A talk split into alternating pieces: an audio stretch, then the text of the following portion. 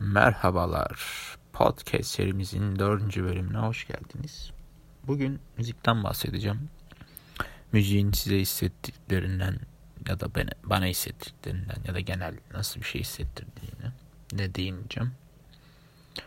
İnsan yaşamının bir döneminde hayatına dönüp baktığında yaşadığı hayatı nasıl yaşamış, seçimleri ona ne getirmiş düşünür. Belki doğru yaşamış kendince ya da pişmanlıklara dolu geçip bitmiştir.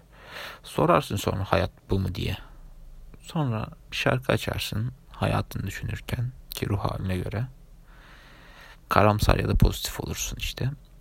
Hani derler ya müzik ruhun gıdasıdır. Asla müziksiz yaşayamam, yapamam. Bence bir bakıma doğru bu. Sizce müzik bir tutku mudur? Bunu bir düşünelim. Evet, düşündüm. Hızlıydı biliyorum.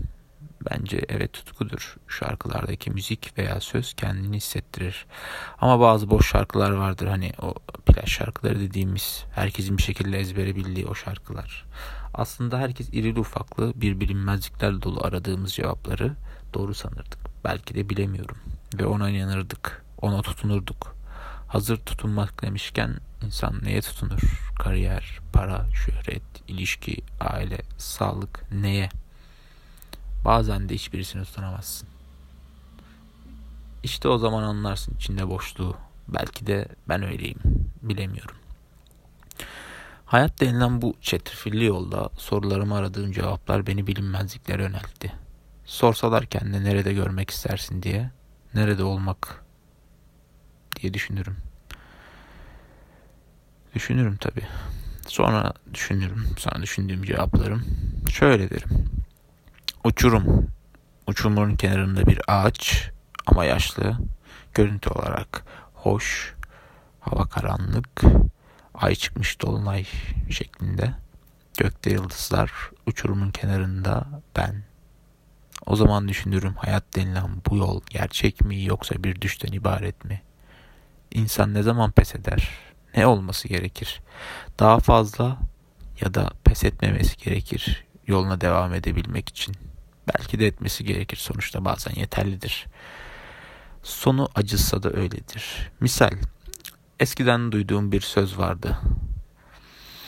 Sen elmayı sevdiğin için elmanın da seni sevmesi mi gerekiyor? Tabi o zamanlar küçüktüm. Çok sallamamıştım. Çok saçma gelmişti bu laf bana. Diyordum ki yani elma canlı mı ki onun da onun da düşünceleri var falan yani ve konuşabilir mi falan diye düşünüyordum. Hisleri var mı? Tabi sonra e, yaşadıkça öğrendikçe bu sözün bu kadar basit ama o kadar da etkili bir söz olduğunu anladım. Sonra anladıktan sonra dedim ki yani e, çok düşündüm. Bu sözü çürütmek için bir şey bulmam gerekti. Ona antites bulabilmek için. Fakat bulamadım. Ne acı. Bazen de bazı şeylerin cevabı yoktur. Ön anlattığım gibi. Evet. Bugün bir ke bir gün bir kez daha çok kelime kullanarak bir şey anlatmadım. Zaten amacım da buydu. Müziğin bir müzik diyecektim. Müzik hariç her şeyi anlattım tabii ki de. Çünkü neden olmasın. Bizim kanalın mottosu neydi? Boş yapmak üzerine kuruluydu. Ve bunu emin adımlarla devam ettiriyorum. Belki bir gün vazgeçerim. Başka şeyler anlatırım. Bakalım. İyi, teşekkür ederim dinlediğiniz için. Dinleyenler, dinlemeyenler ve hiçbir zaman dinlemeyecekler. Görüşürüz.